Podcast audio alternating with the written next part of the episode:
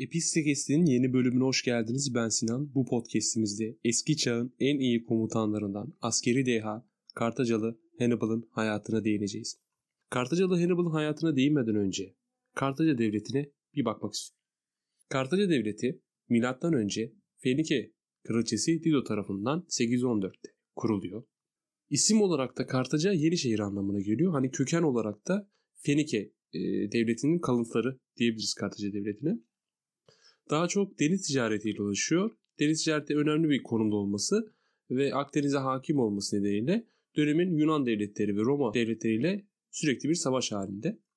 Ordusuna baktığımız zaman ilk başlarda Kartaca devletinin ordusunda hafif piyadeler ve hızlı savaş arabaları ve süvariler mevcuttu.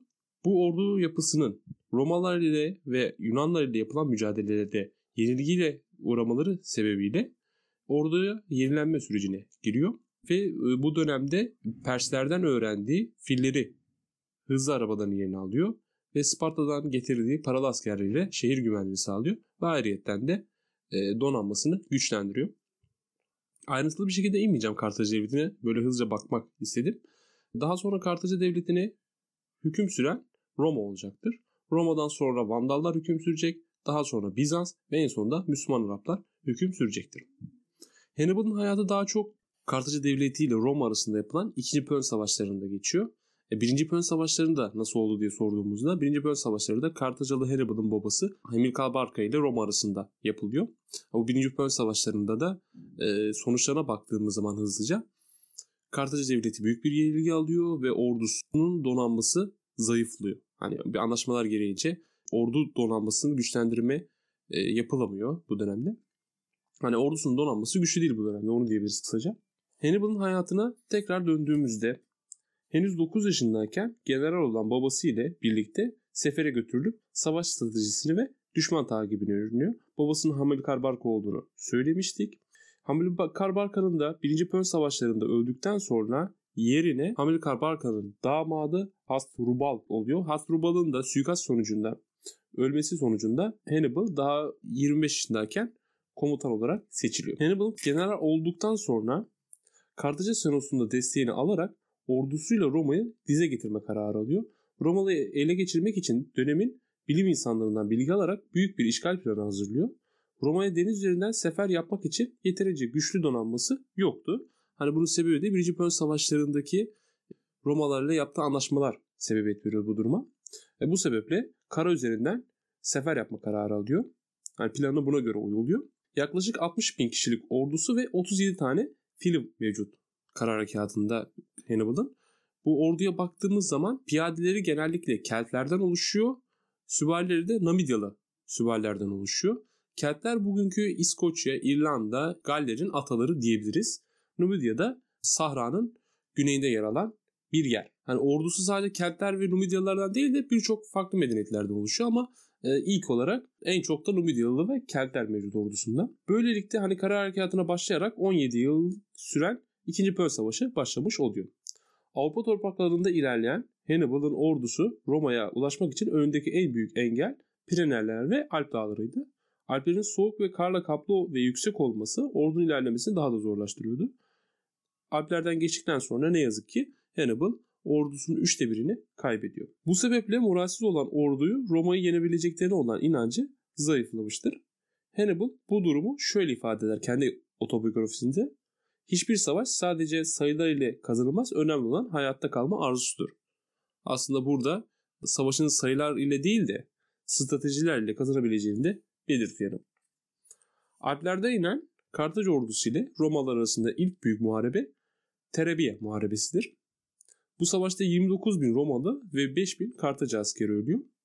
Hani e, biz şimdi bu podcast'te daha çok Hannibal'ın 4 büyük savaşına değineceğiz. Hani sadece 4 büyük savaş yapmadı. Birçok savaş yapmıştır ama Romalılar ile kendi arasında yapılan 4 büyük savaşı değineceğiz. Hani Terebiye muharebesine tekrar döndüğümüzde e, Romalılar ile Hannibal'ın ordusunu ayıran Terebiye nehri mevcuttu. Romalıların bulunduğu taraf ağaçsız ve e, düz alan olduğu için hani bu tarafta herhangi bir pusuya düşme ihtimali olabileceğini tahmin etmiyordu Romalılar. Hannibal'ın olduğu tarafta ise yine aynı şekilde düzlük ama güneyinde bir ağaç toplulukları var sadece. Hannibal savaş başlamadan önce bin atlıyı ilk saldırı olarak görevlendiriyor. Buradaki amacı ise Romalıları savaşa zorlamaktı. Böylelikle bin süvari Roma'yı savaşa sürüklüyor ve savaş başlamış oluyor.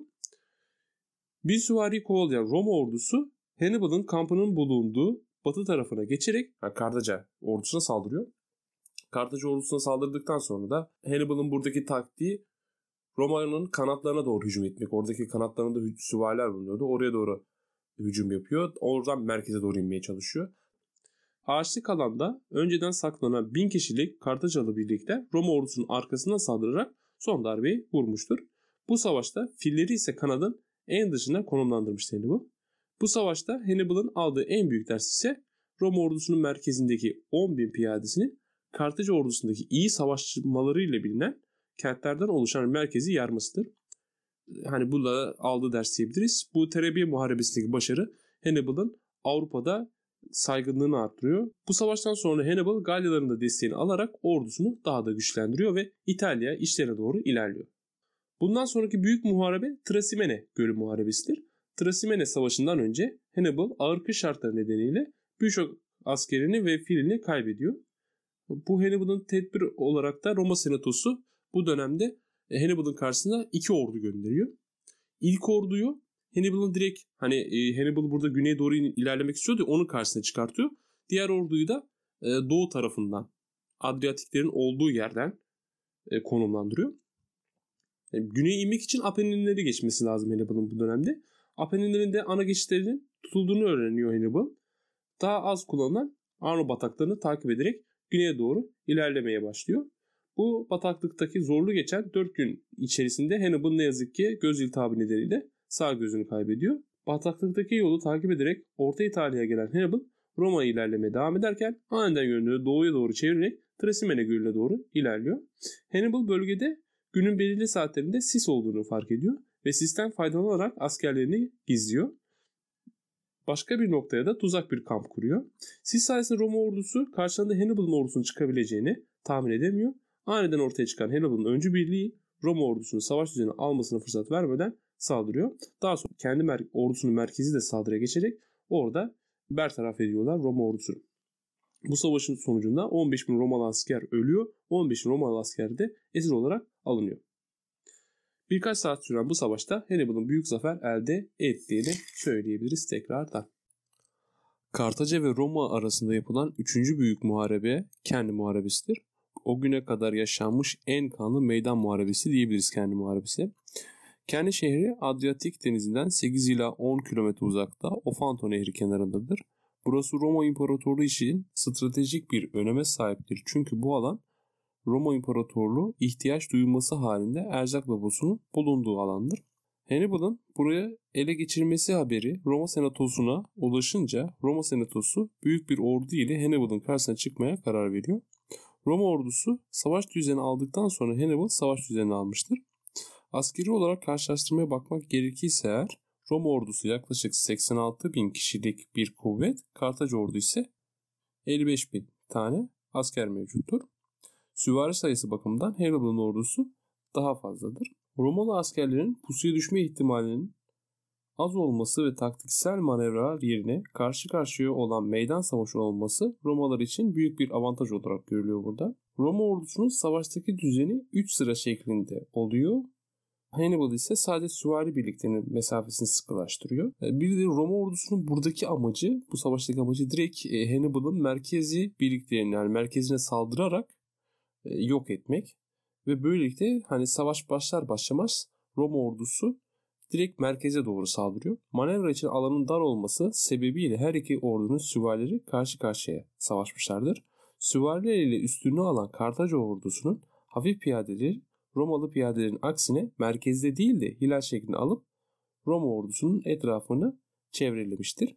Kartaca ordusunun merkezinin geri çekilmesiyle Roma ordusu başarı elde ettiğini sanıyor burada ve kovalamaca başlıyor.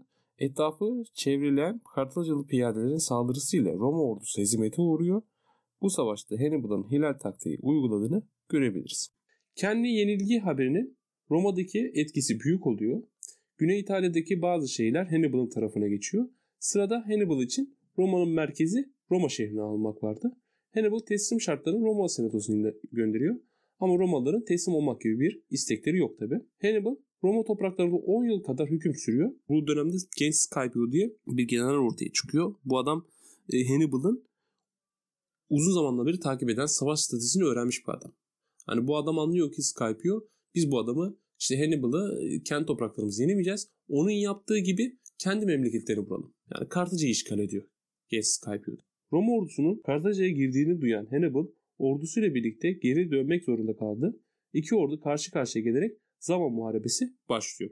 Zama'da e, Kartaca şehrine 3 günlük yürüme mesafesinde yer alan bir yer. Hani bu savaşta bir de önceki savaşlarda süvariler hep avantajlı Hannibal için. Bu Numidyalı süvarilerin Roma tarafına geçmesi Hannibal için dezavantajı dönüşüyor. Ayrıca önceki savaşlarda Hannibal kendi savaşacı alanı kendi seçiyordu. Hani coğrafyayı kendi seçiyordu. E, bu savaşta böyle bir şey olmaması bir dezavantaj daha diyebiliriz Hannibal için. Savaş Scipio ve Hannibal'ın görüşmesinden bir gün sonra başlıyor. Kartaca ordusu üçlü sıralım dizimini tercih ediyor bu savaşta. Ordunun ön tarafında filleri, kanatlarında ise süvarileri mevcuttu. Scipio savaşın ilk aşamasında birlikleri aralarındaki boşluk bırakarak diziyor. Hannibal savaş başladığında süvarilerin kaçmasını istiyor. Böylelikle Roma ordusundaki süvariler Hannibal'ın süvarilerini kovalıyor. Daha sonra sadece iki ordunun piyadeleri mücadele ediyor. Öncesinde kaçan süvariler kovalayan Romalı süvarilerin erken dönüp Kartaca ordusunun arkasından saldırması Hannibal'ın ağır bir yenik almasına neden oluyor. Daha sonra Hannibal kaçmak zorunda kalıyor. Anadolu'ya gelerek Romalı ile mücadele eden yerel beyliklere askeri danışmanlık yapıyor. Bu yerel beylikler ise Selikoslar, Bitinya, işte Ermeni krallıkları diyebiliriz. En son Bitinya'da askeri danışmanlık yaparken Hannibal Roma e, Hannibal'ın Bitinya'da olduğunu öğreniyor. Suikastçiler gönderiyor. Kendi evinin etrafını sarıldığını fark eden Hannibal e, yine ölümü Romalı askerler tarafından olmayacak. E, yüzündeki zehri içerek intihar edecektir. Böylelikle Hannibal'ın hayatına ve yaptığı dört büyük muharebeye değinmiş olduk. Beni dinlediğiniz için teşekkür ederim. Diğer podcast'te görüşmek üzere. Kendinize iyi bakın.